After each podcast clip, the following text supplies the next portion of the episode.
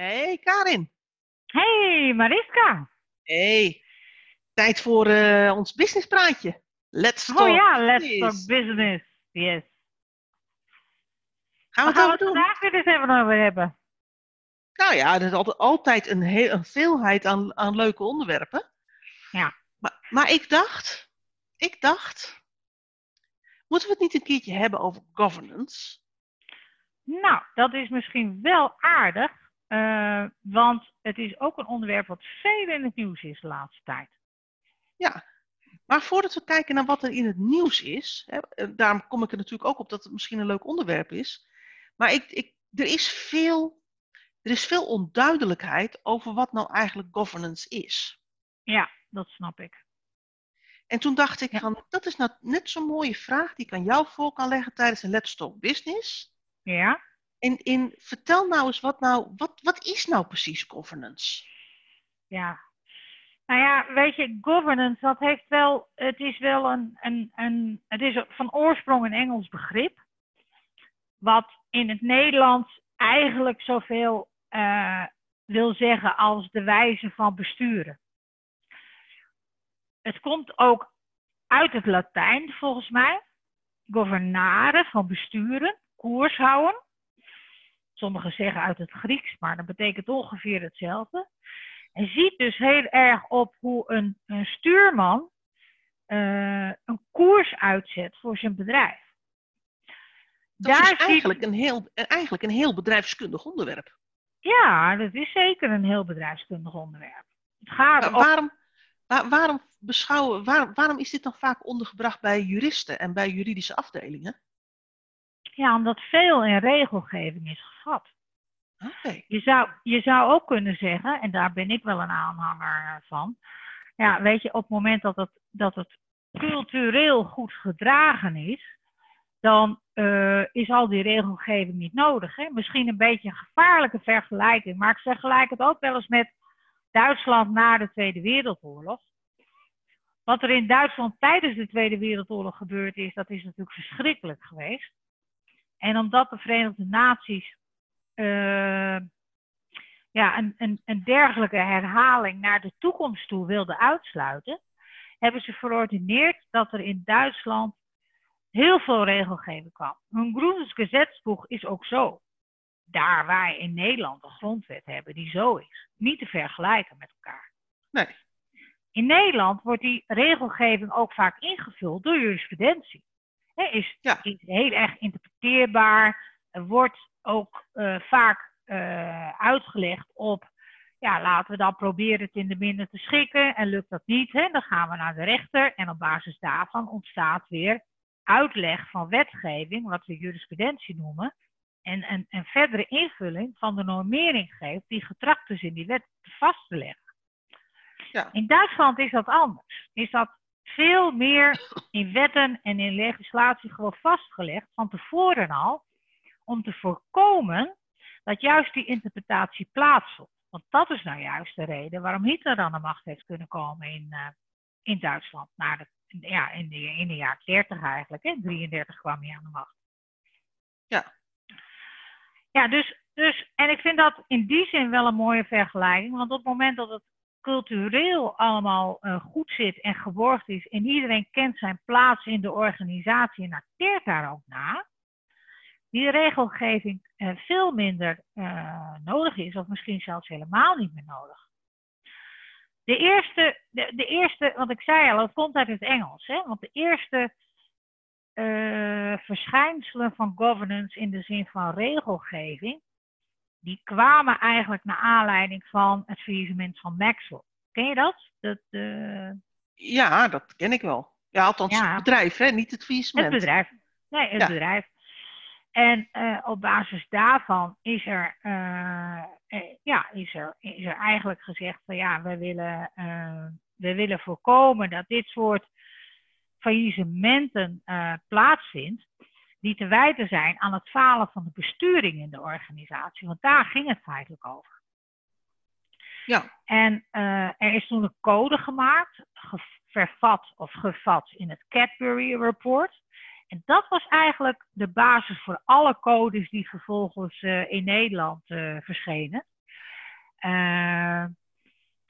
Aanvankelijk eerst op basis van de commissie Peters. Nou, misschien niet zo heel erg bekend, maar later veel meer vervat in het veel, veel bekendere code van de, de code tabaksblad. Dat zul je onwaarschijnlijk wel wat zeggen, denk ik. Ja, ja. Nou, na die code tabaksblad zijn er nog een aantal aanpassingen geweest. En uh, op die corporate governance code, en dat is voor het laatst uit mijn hoofd in 2016 geweest, dus zeer recent nog. Maar in, wat eigenlijk allemaal gemeen is in die codes, is het voorkomen van ongelukken in de besturing. Maar wat moet ik me dan voorstellen bij ongelukken in de besturing? Nou, ja. Ongelukken in de besturing, ja, dat gaat over dat er uh, ja, misschien wel helemaal geen koers is uitgezet. Uh, de leiding uh, veel meer acteerde op basis van te meerdere eer en glorie en salaris dan hunzelf, dan dat er gekeken is naar continuïteit van de organisatie of continuïteit van het bedrijf. Dat wordt gezien als ongelukken in de besturing. En dan ja, druk ik me eigenlijk nog heel voorzichtig uit. Want in Nederland hebben we het dan vaak over onbehoorlijk bestuur. En dat klinkt al heel anders dan ongelukken. Hè? Ongeluk zou je ook nog kunnen zeggen van nou, daar kunnen we niks aan doen. Ja, maar onbehoorlijk bestuur. Ja, precies. Maar onbehoorlijk bestuur gaat echt over het niet behoorlijk bestuur. En op basis eh, van de constatering dat niet de continuïteit van de organisatie als oogmerk is aangenomen bij de besturing, wordt dat oordeel afhankelijk uh, door de rechter met name op, op een juridische grondslag uh, geveld. Tegenwoordig zien we dat er ook veel meer bedrijfskundige elementen aan de grondslag worden gelegd. En, en, en dan nog, hè? Dan nog ja. kom ik weer terug bij de vraag. Maar het is eigenlijk een, een heel uh, aan regelgeving, juridisch uh, aandachtsgebied. Ja, want de rechter. Hoe kun je dan, hoe, ja, maar hoe kun je ja, dan de... rechten, maar ook van juristen in een organisatie, hoe kun je die nou vragen? Hoe kun je nou aan hun vragen om een oordeel te doen over uh, echt toch eigenlijk bedrijfskundige onderwerpen? Nou ja, dat is niet helemaal bedrijfskundig, want in, in de wet zijn natuurlijk wel beschreven uh, hoe een organisatie, uh, hoe een organisatie eruit ziet, wat in de statuten staat omschreven, wat een doelomschrijving van de statuten zijn. En de organen binnen een organisatie, die kennen ook een wettelijke grondslag. Zoals een bestuur, zoals een raad van uh, toezicht of een raad van commissarissen, zoals een aandeelhoudersvergadering hè, vergader, algemene vergadering van aandeelhouders.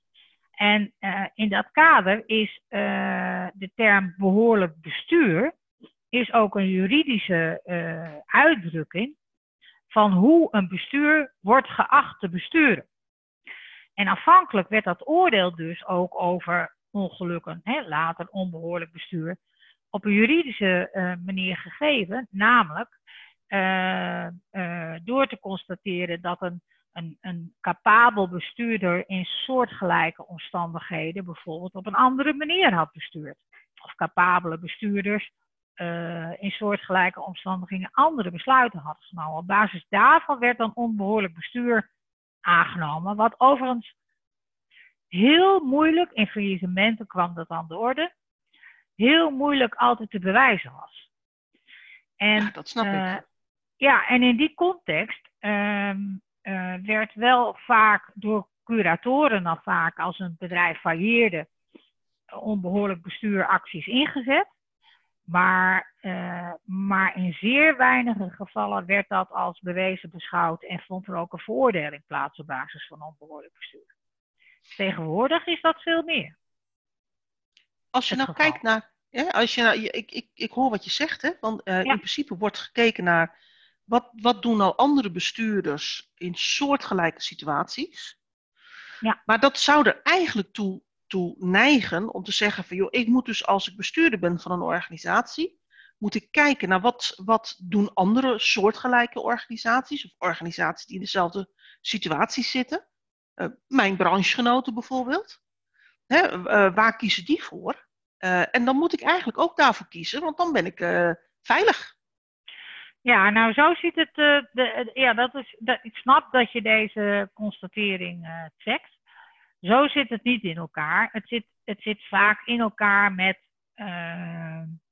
Een bedrijf kan de salaris niet meer betalen. Laat ik dan toch maar even in voorbeelden duiken. Een bedrijf, en ik noem even een, een, een, een voorbeeld waarvan al redelijk snel vast te stellen is dat hier sprake is van onbehoorlijk bestuur.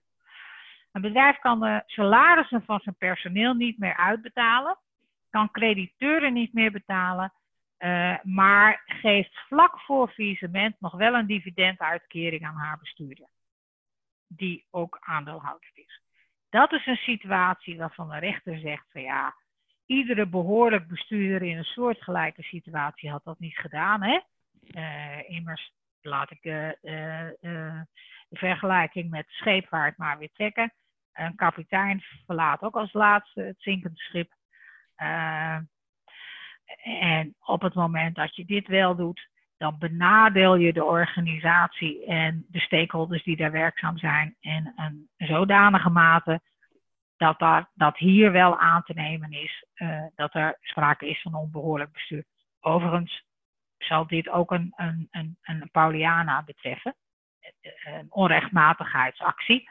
Maar dat even terzijde. Dan, ik denk dat we dan, hè, op het moment dat ik het helemaal zou moeten ontleden, te veel juridisch bezig zijn. Dat is niet de bedoeling van deze lesstof Nee, nee. En, en, toch, hè, het, ja, het, het, fascineert me dan, want ik, ik ben natuurlijk uh, uh, helemaal niet juridisch onderlegd. Ik ben econoom, ik ben bedrijfskundige. Dus als het gaat over besturing van de organisatie en hoe, we dat, hoe heb je dat ingericht, dan heb ik daar wel ideeën over. Maar zo gauw je dat probeert om dat in regels te vatten, dan denk ik van, gaat dit nou nog wel over het besturen van de organisatie? Of gaat dit eigenlijk over het schoonhouden van je eigen straatje? En hoe bedoel je dat, Mariska? Nou ja, in termen van, uh, moet je luisteren, ik heb voldaan aan alle, aan alle voorwaarden die er staan in de regels. Dus mij treft geen blam. Dus we hebben het over. Ik, ik denk even, ja. wat je zegt van, uh, er, is, er zijn uh, formele stappen, hè? zoals bijvoorbeeld een uh, uh, jaarvergadering voor aandeelhouders. Ja. En daar moeten de aandeelhouders feitelijk zeggen. wij, wij stellen de lijn vast, hè, die, wij onderstrepen de lijn die het bestuur heeft uitgezet. En wij vinden dat alle acties die het bestuur het afgelopen jaar ondernomen heeft, dat die goed zijn en dat ze daar kwijting voor krijgen. Ja, volgens mij doet de Algemene Vergadering van Aandeelhouders dat niet, maar doet dat de, de Raad van Commissarissen of de Raad van Toezicht. Uh, maar dat terzijde. Kijk, ik, je maakt wel een hele belangrijke opmerking. Uh, in de zin dat het natuurlijk gek is, en dat is ook om reden dat er heel weinig veroordelingen plaatsvonden op basis van onbehoorlijk bestuur op het moment dat een, een, een, een, een plaatsvond omdat de juridische kwalificatie heel lastig te geven was op basis van regelgeving. Immers, wij zijn een land van relatief weinig regelgeving. En de normering, hè, dus de invulling van de norm, die vond, plaats, vond vaak plaats door jurisprudentie. En dat heeft ook de afgelopen jaren is dat zo gegaan. Bij de ondernemingskamer zie je bijvoorbeeld dat er een aantal, uh, aantal vonnissen zijn gewezen die maakt dat de norm voor wat, wat is nou eigenlijk uh, behoorlijk bestuur, wat is onbehoorlijk bestuur, veel meer invulling krijgt doordat uh, er ook door de ondernemingskamer en de rechter in de ondernemingskamer is vastgesteld dat er een aantal bedrijfskundige grondslagen onder liggen. Ja. Uh, dus, dus besluitvorming moet bijdragen aan doelstellingen die gerealiseerd moeten worden, is er, is er één van. Hè, dus is er wel zoiets als, uh, zijn er wel doelstellingen vastgesteld in de organisatie? Dus dan gaat de vergelijking met een andersoortige organisatie niet op, want het gaat niet over de soort van doelstellingen die vastgesteld zijn, maar of er überhaupt een koers is en op basis daarvan afgeleide meerjarendoelstellingen en of er bijvoorbeeld ook een jaarplan is.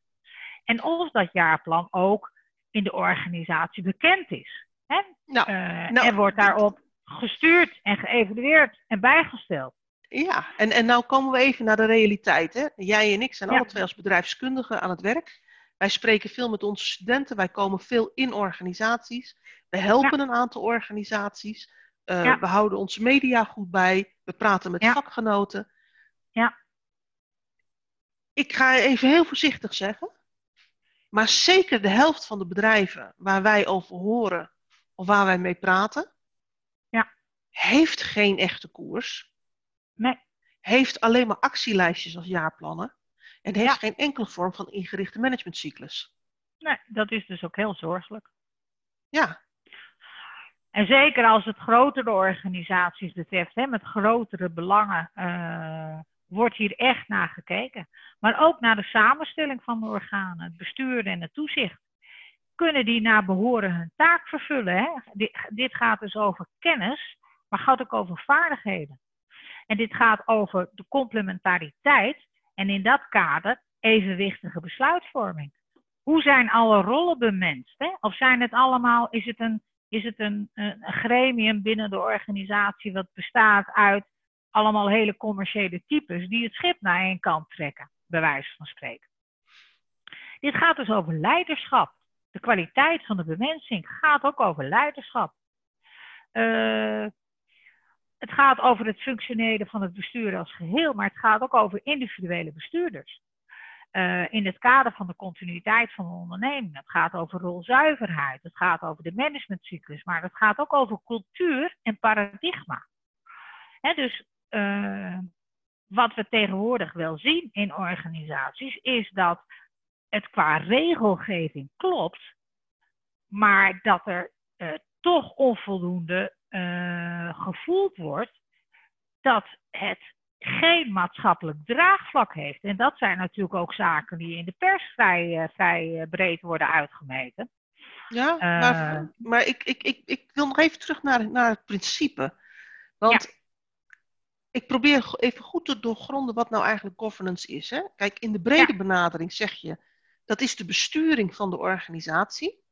Ja, ja, dan roep ik, dan is eigenlijk alles wat we in de bedrijfskunde leren en, en, en doseren, gaat over de besturing van de organisatie. Dat gaat over een koers uitzetten, het gaat over die ja. koers in stukjes hakken, dat gaat over uh, het naar de organisatie toebrengen, zorgen dat de organisatie effectief kan zijn en het inrichten van een managementcyclus om te zorgen dat je met elkaar de voortgang uh, in ogenschouw neemt en ook bijstuurt daar waar, waar nodig is. Absoluut, dus. ja. ja. En toch zie je dat in organisaties niet op deze manier over governance wordt gesproken.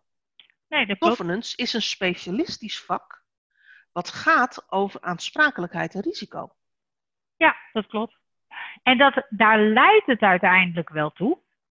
Het leidt er uiteindelijk toe dat op het moment dat je dit als doelstelling hè, niet invult, niet in acht neemt, er niet aan voldoet, kan dat leiden tot risico, namelijk aansprakelijkheid. Maar risico-aansprakelijkheid zou niet de doelstelling moeten zijn om tot governance te komen en over governance in gesprek te gaan. Het gaat over de besturing van de organisatie en de continuïteit in dat kader. En doet iedereen dan hè, vanuit zijn eigen rol en verantwoordelijkheid de juiste dingen op het juiste moment? Dus je zou kunnen zeggen, Mariska, van ja, als we het hebben over governance, en zo wordt het vaak wel bekeken, dan gaat het over de besturing en het toezicht over de besturing. Hè? Dus bovenin de cascade. Maar dat is niet hoe een rechter er naar kijkt. Een rechter die kijkt ook, hoe wordt dat verder de organisatie ingebracht? Dus het gaat over de besturing, maar het gaat ook verder in de cascade van hoe wordt het werk dan georganiseerd en gerealiseerd. En als je nou kijkt, hè, want we, we zijn, het, zeg maar, dit werkterrein is niet nieuw. Hè, en uh, aan de ene kant kun je zeggen van ja, weet je, de organisatie heeft hier zelf een belang bij, want dit gaat over goede besturing. Uh, over het neerzetten van een doel en het ook realiseren van dat doel. Hè, dat ja. is waar, waar bedrijfskunde ook over gaat. Ja. Um, maar governance is ook een vakgebied wat als zodanig benoemd is om richtlijnen te geven waaraan getoetst kan worden. In termen van is het nou verwijtbaar of niet als het, als het niet goed gaat. Ja, klopt. Wat, wat zijn dan een aantal van die richtlijnen waar je als organisatie in je, in, in, eigenlijk in je structuur en in je vormgeving rekening mee moet houden om zeg maar goed, uh, nou ja, om laten we, laten we even heel bot te zeggen, uh, een goede governance vorm te geven en dus veilig te zijn als het gaat over uh, ik voldoe aan alle richtlijnen. Ja, nou, het gaat heel erg over het bijdragen aan doelstellingen die gerealiseerd moeten worden. En dat besluitvorming in dat kader uh, ook moet plaatsvinden. Dus als jij als organisatie doelstellingen hebt geformuleerd, dan moet ook blijken dat de besluitvorming die genomen wordt, in het verlengde van die doelstellingen ligt. En dat alle relevante aspecten daarbij betrokken worden. Dus financiële gevolgen, risico's, gevolgen voor de organisatie, de personen die daar werkzaam zijn. De besluitvorming die moet staan in het teken van de te realiseren doelen. Uh, en dat gaat dus eigenlijk over coördinatiemechanismen en besluitvorming. Ja. Het is, het is belangrijk dat er een tijdpad en evaluatiemomenten worden vastgelegd. Dit gaat over de managementcyclus en de PDCA. Uh, en, en dat er ook omstandigheden en of momenten geformuleerd worden waarop er een go-no-go beslissing wordt genomen. Dus dat is een check op haalbaarheid. Uh, nou, de samenstelling van de organen, en dan heb ik het over het bestuur en de raad van toezicht of een raad van commissarissen, die moet zodanig zijn dat ze na behoren hun taak konden vervullen. Hè. Er moet sprake zijn van uh, niet te veel van hetzelfde als je het hebt over kennis en vaardigheden, maar juist complementariteit. Uh, zodat er evenwichtige besluitvorming ook kan plaatsvinden. Evenwichtig in de zin van alle ter zake bedrijfskundige velden worden daarbij betrokken. Maar eh, even, ik, ik onderbreek je even, hè, want dit intrigeert mij dan toch. Hè, als die, die diversiteit in het bestuur en in de, in de toezichthoudende organen, als dat al in de wetgeving geregeld is, in het kader van governance. Niet in de wetgeving, hè? In, in, in de invulling van de norm, zoals die op dit moment geformuleerd is. Ik heb je net uitgelegd, hè? we zijn anders dan Duitsland. We leggen niet alles vast in de wet. We leggen het met name ook uit door uh, rechtszaken die spelen en de jurisprudentie die op basis daarvan geformuleerd wordt. Maar, maar dit is wel de invulling van de norm. Ja. Precies, dus dit is waar aan getoetst wordt. Ja. Als nou dit is waaraan getoetst wordt, hè, diversiteit in het bestuur en in de toezicht, eh, toezichthoudende organen. Ja. Waarom hebben wij dan met elkaar nog een discussie over een vrouwenquotum? Uh, ja, de, de, de norm zit niet zozeer op man, vrouw, uh, wit of donker, maar ziet wel op uh, complementariteit en diversiteit in kennis en vaardigheden. Dus, ja, maar ook, hoorde ik jou net zeggen, ook in het kader van uh, alle, alle uh, overwegingen meenemend, hè, ook als het gaat over koers en realisatie daarvan. Ja. Als we er toch even van uitgaan dat de helft van de Nederlandse bevolking ongeveer pak een beet vrouw is, ja. Uh, dan, dan zou je kunnen zeggen dat elke organisatie er dus een belang bij heeft om die diversiteit van die klantgroep ook te borgen in bestuur en toezicht. Ja, absoluut. Dat klopt. Het zijn nog te veel uh, witte, grijze mannen in, uh, in raden van toezicht en in besturen. Ja. Uh, maar goed, dat heeft er ook mee te maken dat, dat er ook meer witte, grijze mannen tot nu toe beschikbaar zijn. En heel veel vrouwen dit, dit, er bewust voor kiezen om het niet te willen. Die maken andere afwegingen. Goed of niet goed, hè? Maar mm -hmm. ja, dat is wel, de kranten staan vol van. Dus dat is wel hoe het is op dit moment. Ga verder. Wat zijn er nog meer aan, uh, aan normen en richtlijnen? Uh, ja, de samenstelling van de organen, hè, de kwaliteit van de bemensing. Maar ook zijn alle rollen wel bemenst. Het kan niet meer zo zijn dat je zegt van ja, god, uh, er valt iemand uit en die heeft uh, specifieke aandacht financiën, noem maar wat, en die zit in een auditcommittee van de Raad van Toezicht, dat daar geen invulling aan gegeven wordt. En dat iemand die helemaal niet die achtergrond geeft, dat maar even waarneemt. Dat kan niet. Uh, ja, het functioneren van het bestuur als geheel en, en uh, van de individuele bestuurders. Hè. Dus er wordt ook heel duidelijk gekeken dat net als iedere uh, werknemer, dat een, een bestuur ook gewoon het functioneren wordt besproken en gerelateerd wordt aan de realisatie van doelstellingen. Uh, tegelijkertijd wordt ook een raad van commissaris, die moet uh, beoordeeld worden. En dat kan omdat ze de hoogste in, in, in, in, orgaan in een organisatie zijn. Dat kan door bijvoorbeeld een zelfevaluatie. Maar zij moeten ook aannemelijk maken dat zij uh, continu uh, zichzelf opleiden en aan ontwikkeling doen. Hm. Nou, um, ja, daarnaast is het belangrijk dat de manier van besturen en de manier waarop toezichthoudende activiteiten worden vormgegeven past bij de inrichting van de organisatie, structuur, uh, als bij de ambities van de onderneming. En dit gaat over wat Minsburg al zei, structure follows strategy. Past dat? Hè? Is, de, is de organisatiestructuur zodanig dat die ondersteunend is aan de te realiseren strategie en de te realiseren doelstelling. Uh, ja, en naarmate de organisatie complexer is qua structuur en de ambities groter zijn, dan dient er meer sprake te zijn van, zegt uh, de ondernemingskamer, van een centrale sturing. En dient de auditfunctie en de interne controlefunctie overeenkomstig op centraal niveau belegd te zijn, zodat indicatoren kunnen worden gevolgd en kunnen worden bijgestuurd. En dit heeft heel erg te maken met beheersing, beheersing van risico's. En dat moet in een PDCA managementcyclus naar voren komen.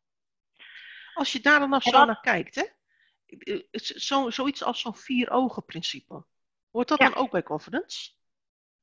Ja, dat zou uh, bij governance uh, kunnen horen. Ja, zeker. Je zou kunnen zeggen van het is uh, sprake van geen goed bestuur op het moment dat je alles maar overlaat aan, uh, aan iedereen, hele ruime bevoegdheden geeft, uh, verantwoordelijkheden heel ruim belegt. Maar het kan ook een manier uh, van besturing zijn, waarbij je wel checks en balances dan moet hebben ingevoerd. Hè, dus het is, het is niet zo dat een rechter zegt je moet het een of je moet het ander. Het gaat erom dat naarmate er meer risico gelopen wordt, de checks en balances ook zwaarder worden. En dat je dat aantoonbaar kunt maken. Ja, en, en wat, is dan, wat is dan precies het verschil tussen governance en compliance? Ja, dat is een hele uh, mooie. Kijk, uh, uh, governance zit op de manier van besturing. En die wordt doorvertaald in de organisatie op verschillende niveaus. compliance zou je kunnen zeggen van is de rood perspectief vertaling van governance. Uh, ja, ik vind dat ik dat eigenlijk wel mooi verwoord heb. Dus uh, ik, weet, niet of je daar vragen over hebt, maar dat is eigenlijk. Nou ja, wel, ik, het is, ik, ik zie ehm, in organisaties governance is vaak belegd bij de juridische afdeling. En dan vervolgens hebben ze een compliance afdeling. Ja. Dat, dat ja, doet vermoeden gaat... dat het iets meer is dan alleen het rood perspectief stuk van governance.